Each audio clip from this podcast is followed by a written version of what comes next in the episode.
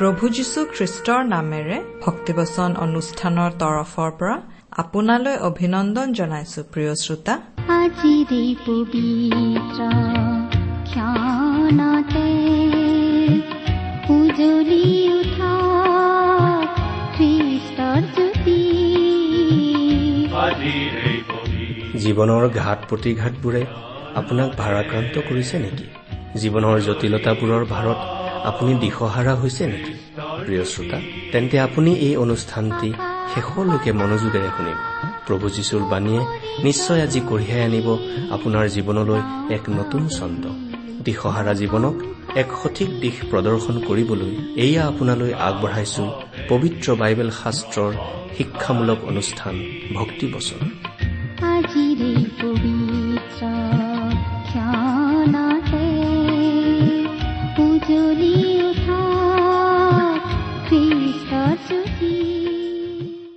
আমাৰ মহান ত্ৰাণকৰ্তা প্ৰভু যীশুখ্ৰীষ্টৰ নামত নমস্কাৰ প্ৰিয় শ্ৰোতা। আশা কৰো আপুনি ভালে কুশলে আছে। লগতে এই বুলিও আশা কৰিছো যে আপুনি আমাৰ এই ভক্তিবচন অনুষ্ঠানটো নিয়মিতভাৱে শুনি আছে। এই অনুষ্ঠান শুনি আপুনি কেনে পাইছে বাৰু? অনুগ্ৰহ কৰি আমালৈ চিঠি লিখি জনাবচোন। আপোনালোকৰ পৰা চিঠি পত্ৰ পাবলৈ আমি আশাৰে বাট চাই থাকো। আৰু সেইবাবেই আমালৈ চিঠি লিখিবলৈ আমি সদায়েই অনুৰোধ জনাওঁ। অনুগ্ৰহ কৰি আজিয়েই দুখাৰিমান লিখি পঠিয়াবচোন।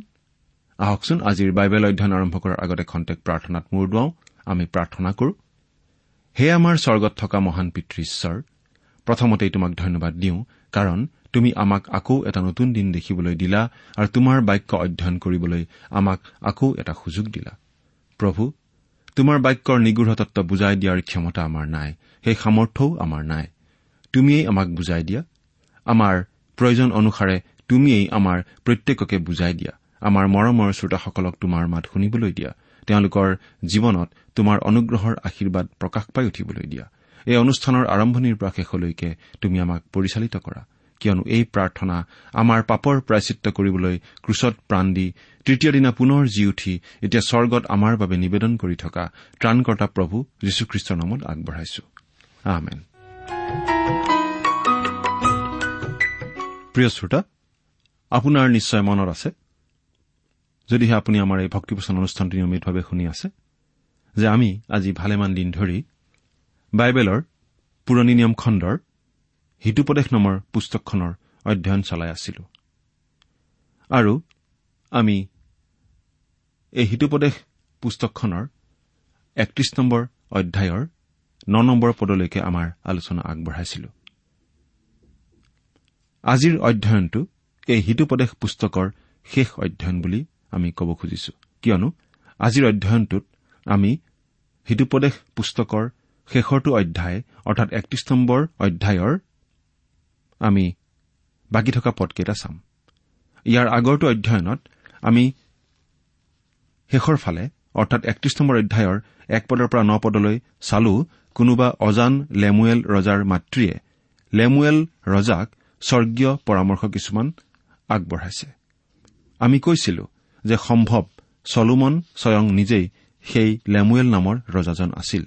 কাৰণ লেমুৱেল নামৰ কোনো ৰজাৰ বিষয়ে জনা নাযায়। আমি এই বুলিও কৈছিলো যে সম্ভৱ চলোমনৰ পূজ্যা আৰু মৰমী মাতৃ বৎসেবাই মৰমতে চলোমনক এই লেমুৱেল নামটো দিছিল। ঠিক যেনেকৈ আমাৰ চিৰচেনেহী আৰু পূজ্যা মাতৃয়েও আমাক একোটা নাম দিয়ে বুলি আমি ক'ব পাৰো। বেছিভাগে অন্তত ক'ব পাৰো। সেয়েহে আমি ধৰি লৈছো যে লেমুৱেল মানে স্বয়ং চলোমন নিজেই আৰু লেমুৱেল ৰজাৰ মাতৃ মানে স্বয়ং বৎসেবা নিজেই। আমি ইতিমধ্যে চালো যে ৰজাৰ মাতৃয়ে পোনছাতেই ৰজাক পৰামৰ্শ দিছে যেন তিৰোতা মানুহৰ প্ৰতি দুৰ্বল হৈ তেওঁলোকৰ সৈতে লাগি থাকি নিজৰ শৌৰ্যবীৰ্যহানি নকৰে। তাৰ পাছত চালো মাতৃয়ে বৰ স্বৰ্গীয় কথাৰে গভীৰ পৰামৰ্শ দি পুত্ৰ লেমুৱেলক নিচাসক্ত সকলো দ্ৰব্যৰ পৰা আঁতৰি থাকিবলৈ পৰামৰ্শ দিছে।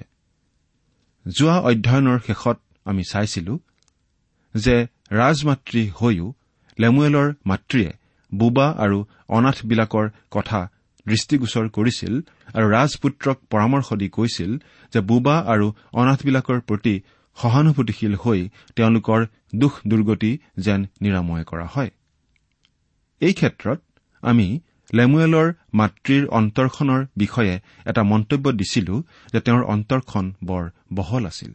ইমানেই বহল আছিল যে সেইখন অন্তৰত সমাজৰ দ্বাৰাই অৱহেলিত বোবা আৰু অনাথহঁতৰ নিচিনা বিলাকৰ কাৰণেও স্থান আছিল। আজি আমি একত্ৰিশ নম্বৰ অধ্যায়ৰ দহ নম্বৰ পদৰ পৰা একত্ৰিশ নম্বৰ পদলৈকে চাবলৈ মন কৰিছো গুণৱতী ভাৰ্যাৰ বিষয়ে। আহক আমি সেই বিষয়টো চাওঁ হওক। আমি বাইবেলৰ পৰা পাঠ কৰি যাম। আপোনাৰ লগত নিশ্চয় বাইবেল আছে। চাই যাব। প্ৰিয় শ্ৰোতা সেয়েহে এতিয়া দহ পদৰ পৰা চাই যাওঁ আহক। দহ নম্বৰ পদটো পাঠ কৰিছো। গুণৱতী স্ত্ৰী পোৱা কাৰ সাধ্য? কিয়নো পদ্মৰাগ বাখৰতকৈও তেওঁৰ মূল্য অতি অধিক।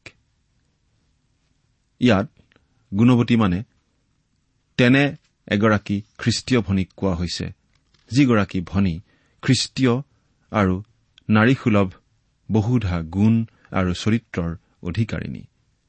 খ্ৰীষ্টীয় নাৰী ৰূপে আৰু নাৰীসুলভ আচৰণেৰে সৈতে চৰিত্ৰ শক্তি আৰু সামৰ্থৰ নাৰী তেওঁ।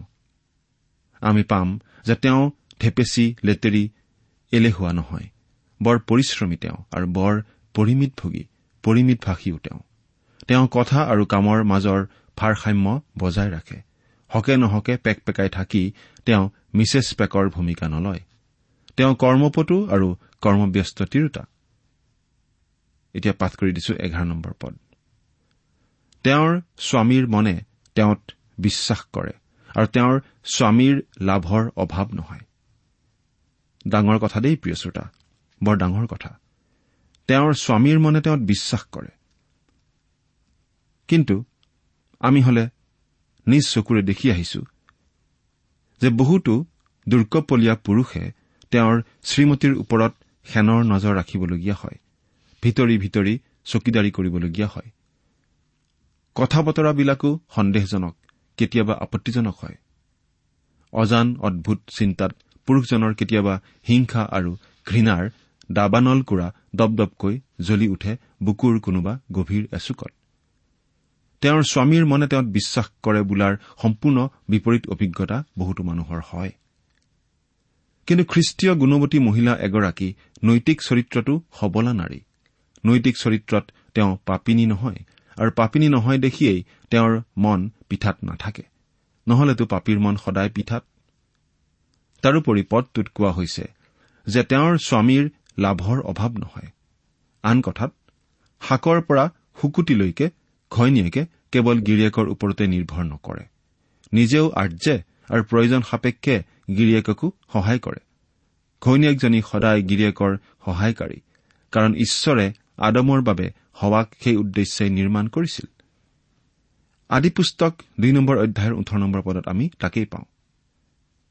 গৃহমন্ত্ৰী হিচাপে নহয় বহু খ্ৰীষ্টীয় ঘৰত ভাৰ্যা গৃহমন্ত্ৰী হবলৈ গৈয়েই কুকুৰ মেকুৰীৰ নিচিনা খোৱা কামোৰা উখুনা উখুনি লাগে কাৰণ গিৰিয়েকে ভাবে তুমি গৃহমন্ত্ৰী হলে ময়োতো মুখ্যমন্ত্ৰী ইত্যাদি। সভা অবিহনে আদম মাত্ৰ পঞ্চাছ ভাগ। একেদৰে আদম অবিহনে সভাও মাত্ৰ পঞ্চাছ ভাগ। দুই পঞ্চাছ মিলিহে এশ হয় এক দেহ হয় দুজনে মিলি এক দেহ হয়। খ্ৰীষ্টীয় গুণৱতী তিৰোতাই সেই কথা জানে। বাৰ নম্বৰ পদ। তেওঁ জীয়াই থাকে মানে স্বামীৰ উপকাৰ কৰে অপকাৰ নকৰে। প্ৰকৃত অৰ্থত সহকাৰী হলে সহকাৰী হোৱাৰ অৰ্থ বুজি ভাৰ্যাই সদায় নিজ স্বামীৰ উপকাৰেই কৰে অপকাৰ নকৰে। উপকাৰ কৰে শাৰীৰিকভাৱে অন্য নকৰিলে অন্ততঃ পিঠিটো খজুৱাই দিয়ে। উপকাৰ কৰে মানসিকভাৱে। আনটো নকৰিলেও পৰপুৰুষৰ আগত অন্ততঃ ক'ব পাৰে আমাৰ এওঁৰটো আৰু কাম কাম কামেই আৰু খোৱাৰ সময় নাজানে খোৱাৰ সময় নাজানে তাকে শুনি গিৰিয়াক ফুলি উঠিব। মানসিকভাৱে বৰ উপশম লাভ কৰিব। অৱশ্যে গিৰিয়েকৰ এনে উপকাৰ সাধিবলৈ যাওঁতে মিছা কথা ক'ব নালাগে। কাৰণ গিৰিয়েকক তেল মৰা মিছলীয়ানী হোৱা স্বভাৱটো গুণৱতী তিৰোতাৰ গুণ নহয়। উপকাৰ কৰিব লাগে আম্মিকভাৱে ক'ব পাৰে আপুনি অকলে অকলেনো ইমান গধুৰ মানসিক বোজা কিয় কঢ়িয়াই আছে? আহক সমস্যাটো প্ৰভুক জনাওক। এইবুলি যদি প্ৰাৰ্থনা কৰে আৰু তাৰ পাছতেই গায় কি আচৰিত বন্ধু যিছো গিৰিয়েকৰ শ্ৰান্তিৰ যে কি উপশম হ'ব তাক মানুহৰ কথাৰে বুজোৱা টান হ'ব। উপকাৰ কৰা তিৰোতাই অপকাৰ নকৰে আৰু অপকাৰ কৰোতাই উপকাৰ কৰিব নাজানে। এতিয়া তেৰ নম্বৰ পদটো পঢ়ি দিছো তেওঁ ভেড়াৰ নোম আৰু সনসূতা বিচাৰে আৰু ইচ্ছা মনেৰে নিজ হাতে কাম কৰে। গুণৱতী তিৰোতা বৰ পৰিশ্ৰমী। তেওঁ স্বাভাৱিকভাৱে নিজ ইচ্ছাৰে কামবোৰ কৰি যায়। ভেড়াৰ নোমৰ কাপোৰ জাৰৰ দিনৰ নিমিত্তে আৰু সনসূতাৰ কাপোৰ গৰম কালৰ নিমিত্তে কঠোৰ পৰিশ্ৰমেৰে তৈয়াৰ কৰে। এইবোৰ স্বাভাৱিকভাৱে আৰু স্ব ইচ্ছাৰে কৰে। কাৰোবাৰ আদেশ নিৰ্দেশত এইবোৰ নকৰে। নাইবা মানুহৰ বাহ বাহ বা কোনো পুৰস্কাৰ আদি পাবলৈ তেওঁ নকৰে। চৈধ্য নম্বৰ পদ। তেওঁ বাণিজ্য জাহাজৰ দৰে দূৰৈৰ পৰা নিজৰ খোৱাবস্তু আনে। তেওঁ খৰচ কৰে বন্দোবস্তেৰে ভাল বস্তু কম দামত যদি দূৰৈৰ পৰাও আনিবলগীয়া হয় তেওঁ তালৈ চিন্তা নকৰে কিন্তু বৰ হিচাপেৰে পইচা খৰচ কৰে। পোন্ধৰ নম্বৰ পদ। ৰাতি নৌ পুৱাওঁতেই তেওঁ উঠি ঘৰৰ সকলোকে খাবলৈ দিয়ে আৰু নিজ বেটীবিলাকক নিৰূপিত কাম দিয়ে। এই পদটো পঢ়ি এবাৰ এগৰাকী ভনীয়ে এনেদৰে কৈছিল ৰাতি নৌ পুৱাওঁতেই উঠি খোৱা এইবোৰ কম খকুৱা মানুহ নহ'ব দেই। কিন্তু নহয় সোনকালে কামলৈ যাব দূৰ পথাৰলৈ যাব খোৱা বোৱা কৰিবলৈ যদি ৰাতিপুৱালৈ বাট চোৱা যায় তেতিয়া পথাৰলৈ যাবনো কেতিয়া? ঘৰৰ দাস দাসীবিলাককো কামত ব্যৱহাৰ কৰিব জনাটো এটা ডাঙৰ গুণ। ইটো নকৰিলি সিটো নকৰিলি কিটো নকৰিলি বোলাতকৈ তেওঁলোকে কি কি কৰিব লাগে সেইবোৰ দেখুৱাই দিব লাগে। গুণৱতী তিৰোতাই লেপ বা কম্বলৰ তলৰ পৰা টেপ টেপাই নাথাকে নিজে প্ৰথমে উঠে। এগৰাকী বিখ্যাত লোকে নিজৰ মাতৃৰ বিষয়ে এনেদৰে কৈছে মোৰ পূজ্যা মাতৃগৰাকীও এগৰাকী বৰ পৰিশ্ৰমী মহিলা আছিল। মোৰ মাৰ ক্ষেত্ৰত এটা ঘটনাই মই জীৱনত দেখা নাপালো। আৰু সেইটো হৈছে কেতিয়াবা মোৰ মা মোৰ পাছত বিচনাৰ পৰা উঠা। ষোল্ল আৰু সোতৰ নম্বৰ পদ। তেওঁ কোনো এডোখৰ মাটিৰ বিষয়ে বিবেচনা কৰি তাক কিনি লয়। তেওঁ নিজ হাতৰ শ্ৰমৰ ফলেৰে দ্ৰাক্ষাবাৰী পাতে। তেওঁ বলস্বৰূপ টঙালিৰে কঁকাল বান্ধে আৰু নিজৰ বাহু বলৱান কৰে। নিজে কৰিব পৰা কামখিনি নিজে কৰি যায়। পুৰুষলৈ তেওঁ বাট চাই নাথাকে। মাটি কিনা দ্ৰাক্ষাবাৰী পতা আদি কামবোৰ সাধাৰণতে সদায় পুৰুষেই কৰে। কিন্তু গুণৱতী তিৰোতাই পুৰুষজনৰ লগত আলোচনা কৰি মাটি কিনা আৰু দ্ৰাক্ষাবাৰী পতাৰ নিচিনা কামত তেওঁৰ অৰ্থাৎ পুৰুষজনৰ সহকাৰী হৈ তেওঁক এইবোৰ কামত সহায় কৰে। কাৰণ এইবোৰ কৰিবৰ বাবে সমৰ্থবান তিৰোতা নিজৰ ঘৰখন অতি দক্ষতাৰে চলাব জনা মহিলা। ওঠৰ নম্বৰ পদ। তেওঁ নিজৰ বাণিজ্য লাভজনক বুলি বুজে আৰু ৰাতি তেওঁৰ চাকি নুনুমায়। গুণৱতী তিৰোতা সদায় প্ৰস্তুত আৰু সদায় সজাগ থাকে। ৰাতিও তেওঁৰ চাকি নুনুমায়। আমাৰ জীৱনৰ ৰাতি আহিলে আমাৰ চাকিবোৰ নুমাই যায় কাৰণ আমি সদা প্ৰস্তুত আৰু সদা সজাগ নহয়। প্ৰিয় শ্ৰোতা এজন বিখ্যাত লোকে এনেদৰে কৈছিল আনৰ কথা কি ক'ম? আপোনালোকৰ এই ডাল দৰিদ্ৰ অভাগা দাসৰ এনে জীৱনৰ ৰাতিত চাকি নুমাই যোৱা অভিজ্ঞতাৰ সন্মুখীন হৈছো। কাৰণ মই জ্ঞানবান পুৰুষ নাছিলো। এনে কথাত কেতিয়াবা ৰাইজক মোৰ নিজৰ ব্যক্তিগত অভিজ্ঞতাৰ ফালৰ পৰা কবৰ মন যায়। প্ৰিয় ৰাইজ জীৱনৰ দুখৰ ৰাতিত আপোনালোকৰ চাকি নুমাই নাযাবলৈ মোক অনুকৰণ নকৰিব। কাৰণ এই ক্ষেত্ৰত মই নিজেই দিশহাৰা হৈছো। প্ৰিয় শ্ৰোতা মানুহৰ নিজৰ নিজৰ ব্যক্তিগত জীৱনৰ এনেকুৱা অভিজ্ঞতা থাকে। এই গুণৱতী তিৰোতাজনীৰ কি যে গুণ বাস্তৱিকতে এনে গুণৱতী স্ত্ৰী পোৱা কাৰ সাধ্য? যিজনৰ আছে সাধ্য সেয়া তেওঁৰ পৰম সৌভাগ্য।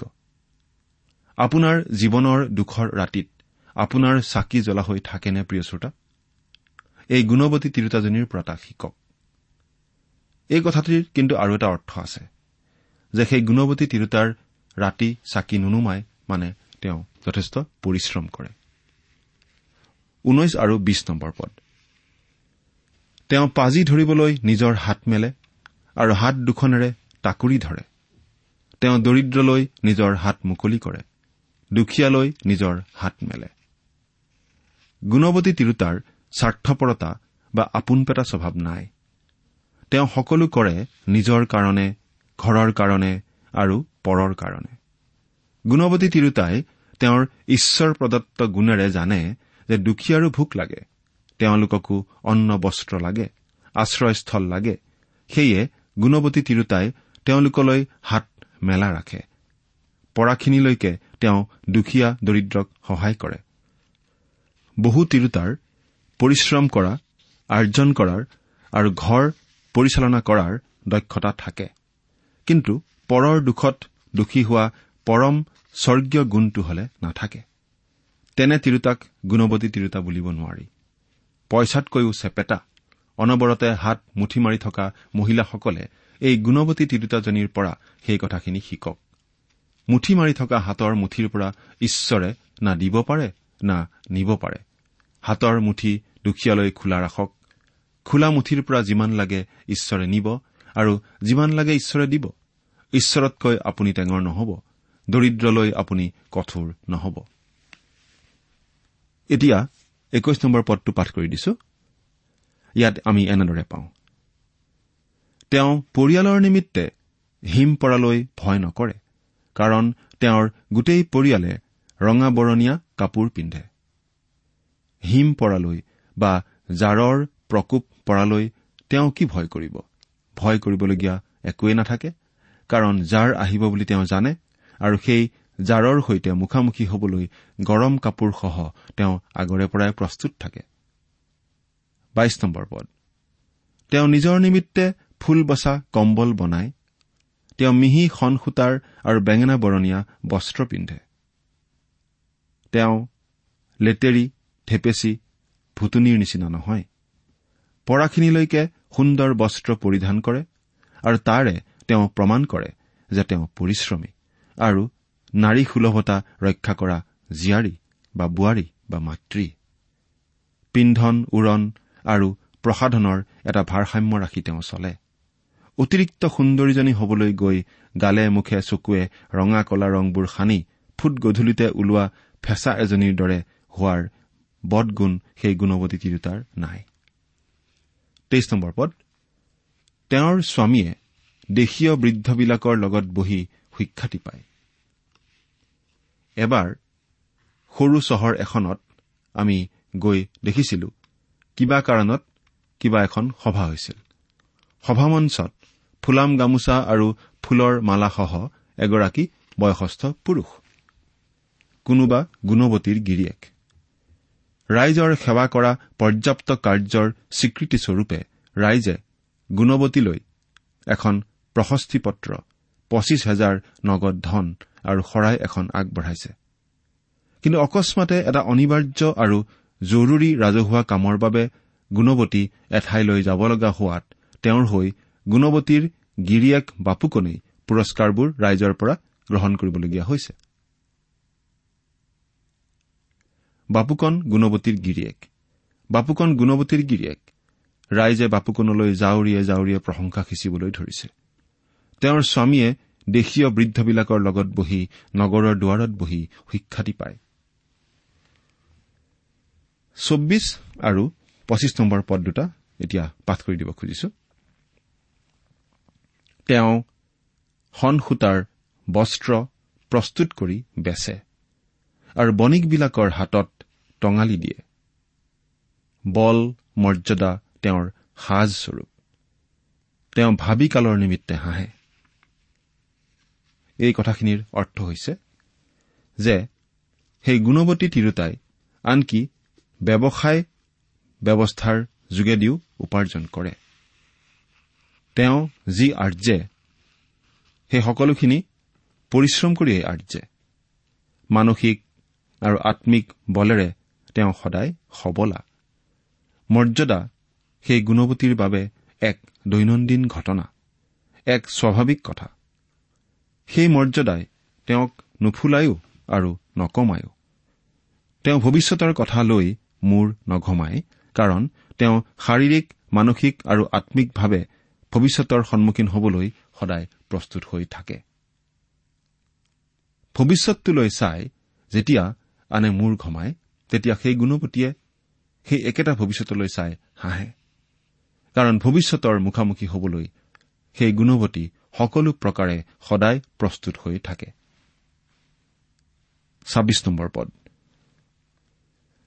তেওঁ প্ৰজ্ঞাৰ কথা কবলৈ মুখ মেলে। তেওঁৰ জীৱাৰ আগত মৰমৰ শিক্ষা থাকে। গুণৱতী তিৰোতাই গভীৰ জ্ঞানেৰে পৰামৰ্শ যেনেকৈ দিয়ে তেনেকৈয়ে মৰমেৰেও শিক্ষা দিয়ে। কথা কয়। কাৰণ তেওঁ জানে যে মৰমৰ কথাই মানুহৰ মন স্পৰ্শ কৰে। মানুহৰ মন গলায় আৰু মানুহৰ মন গঢ়ে। প্ৰিয় শ্ৰোতা আমি এই ক্ষেত্ৰত বাৰু কেনেকুৱা? আমি আমি যেতিয়া মুখ মেলো তেতিয়া আমাৰ মুখেৰে কেনেকুৱা কথা ওলায়? আমাৰ মুখেৰে প্ৰজ্ঞাৰ কথা ওলায়নে? আমাৰ জীৱাৰ আগত মৰমৰ শিক্ষা থাকেনে? আমাৰ মুখৰ পৰা ওলোৱা কথাই আনক উৎসাহ জগায়নে আমি চিন্তা কৰি চাওঁচোন। এতিয়া সাতাইছ নম্বৰ পদৰ পৰা ঊনত্ৰিশ নম্বৰ পদলৈ আমি পুনৰ পৰিয়ালৰ কথাকে পাওঁ। গুণৱতী তিৰোতাই পাৰিবাৰিক কথালৈ কেতিয়াও অৱহেলা নকৰে। তেওঁ উট বা কইৰা পক্ষীৰ ভূমিকা নলয়।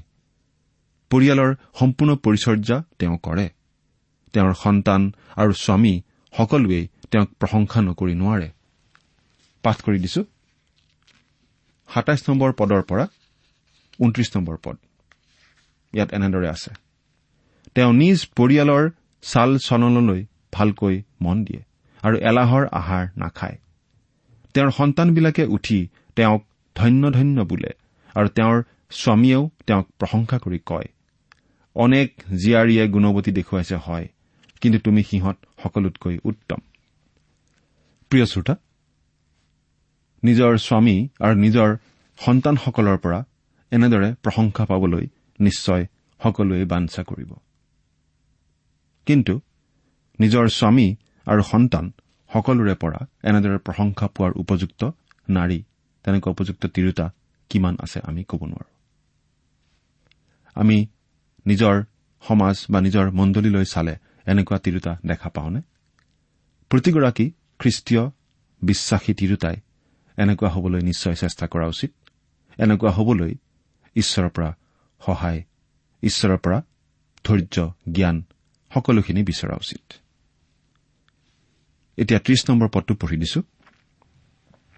লাৱণ্য মিছা আৰু সৌন্দৰ্য অসাৰ কিন্তু জিহুৱালৈ ভয় ৰখা তিৰোতা প্ৰশংসনীয়।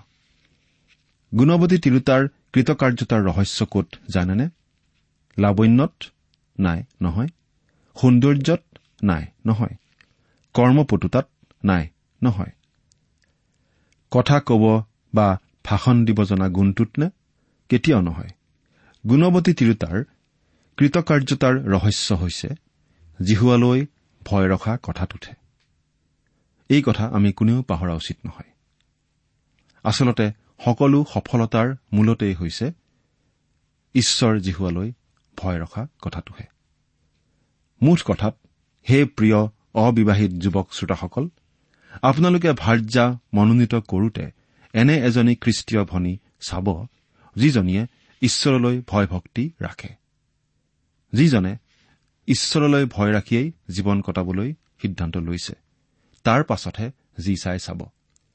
আপুনি যদি গুণৱতী আৰু সুন্দৰী দুয়োটা সম্পত্তিৰ কোনোবা এজনীকেই প্ৰভুৰ দয়াত পাইছে বা পালে তেতিয়াতো আৰু সোণতেই সুৱগা গাখীৰতেই মহৰ খুটি জিহুৱালৈ ভয় ৰখা তিৰোতা প্ৰশংসনীয় এয়াতো অতি প্ৰয়োজনীয় সত্যতা? তোমালোকে তেওঁৰ হাতৰ ফল অনুসাৰে তেওঁৰ স্তুতি কৰা আৰু নগৰৰ দুৱাৰবোৰত তেওঁৰ কৰ্মই তেওঁৰ প্ৰশংসা কৰক। প্ৰিয় শ্ৰোতা আমাৰ বিশ্বাস। নিশ্চয় আপোনালোকে আজিৰ অধ্যয়নৰ লগতে গোটেই হিতুপদেশ পুস্তকৰ অধ্যয়নৰ দ্বাৰা আম্মিক জ্ঞান আহৰণ কৰিবলৈ সমৰ্থ হৈছে। যদিহে কিবা বিশেষ কথা কিবা বিশেষ আশীৰ্বাদ এই অধ্যয়নৰ যোগেৰে লাভ কৰিছে তেনেহলে চিঠি লিখি জনাই যেন। আমাৰ পৰৱৰ্তী অনুষ্ঠানত লগ পোৱাৰ আশাৰে আজিলৈ বিদায় মাগিছো। ঈশ্বৰ আপোনাৰ সহায় হওক। আহমেদ যদি লাগে জীৱন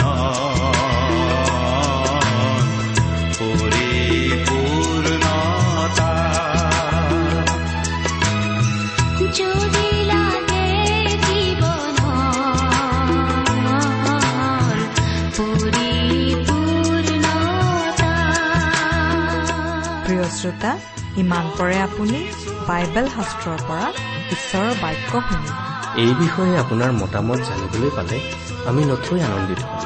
আমি প্ৰস্তুত কৰা বাইবেল অধ্যয়নৰ চিডিসমূহ পাব বিচাৰিলে আৰু অনুষ্ঠানত প্ৰচাৰ কৰা কোনো কথা বুজিব লগা থাকিলেও আমালৈ লিখক।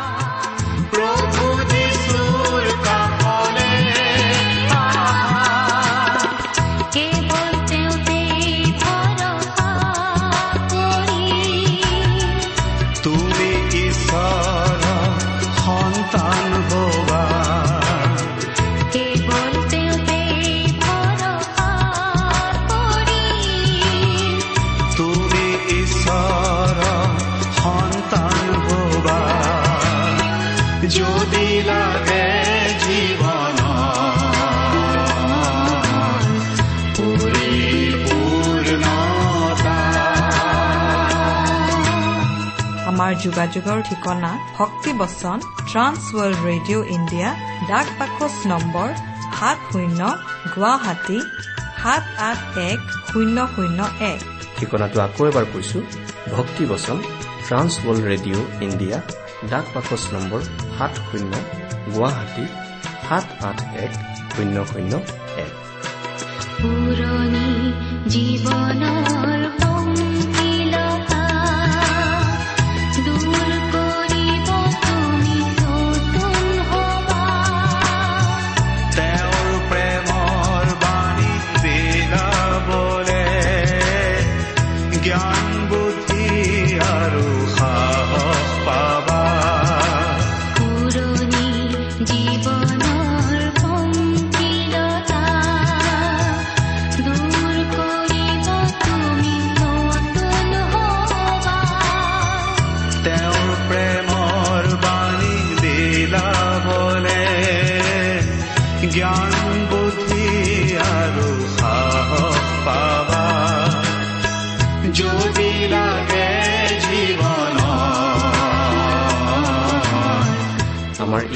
এড্ৰেছটো হৈছে Assamese T TV at the rate radio' eight eight two dot com আমাৰ website W W W dot T W R dot in আপুনি টেলিফোনৰ মাধ্যমেৰেও আমাক যোগাযোগ কৰিব পাৰে। আমাৰ টেলিফোন নম্বৰটো হৈছে nine eight five four zero' four zero' eight eight nine phone নম্বৰটো আকৌ এবাৰ কৈছো ন আঠ পাঁচ চাৰি শূন্য চাৰি শূন্য আঠ। আঠ ন। আপুনি এই ভক্তিবচন অনুষ্ঠানটি আমাৰ website W W W dot radio' eight eight two dot কমতো শুনিব পাৰিব। আজিৰ অনুষ্ঠানটি ইমানতেই সামৰিছো। ঈশ্বৰৰ শান্তি আৰু অনুগ্ৰহ আপোনাৰ লগত থাকক। ধন্যবাদ।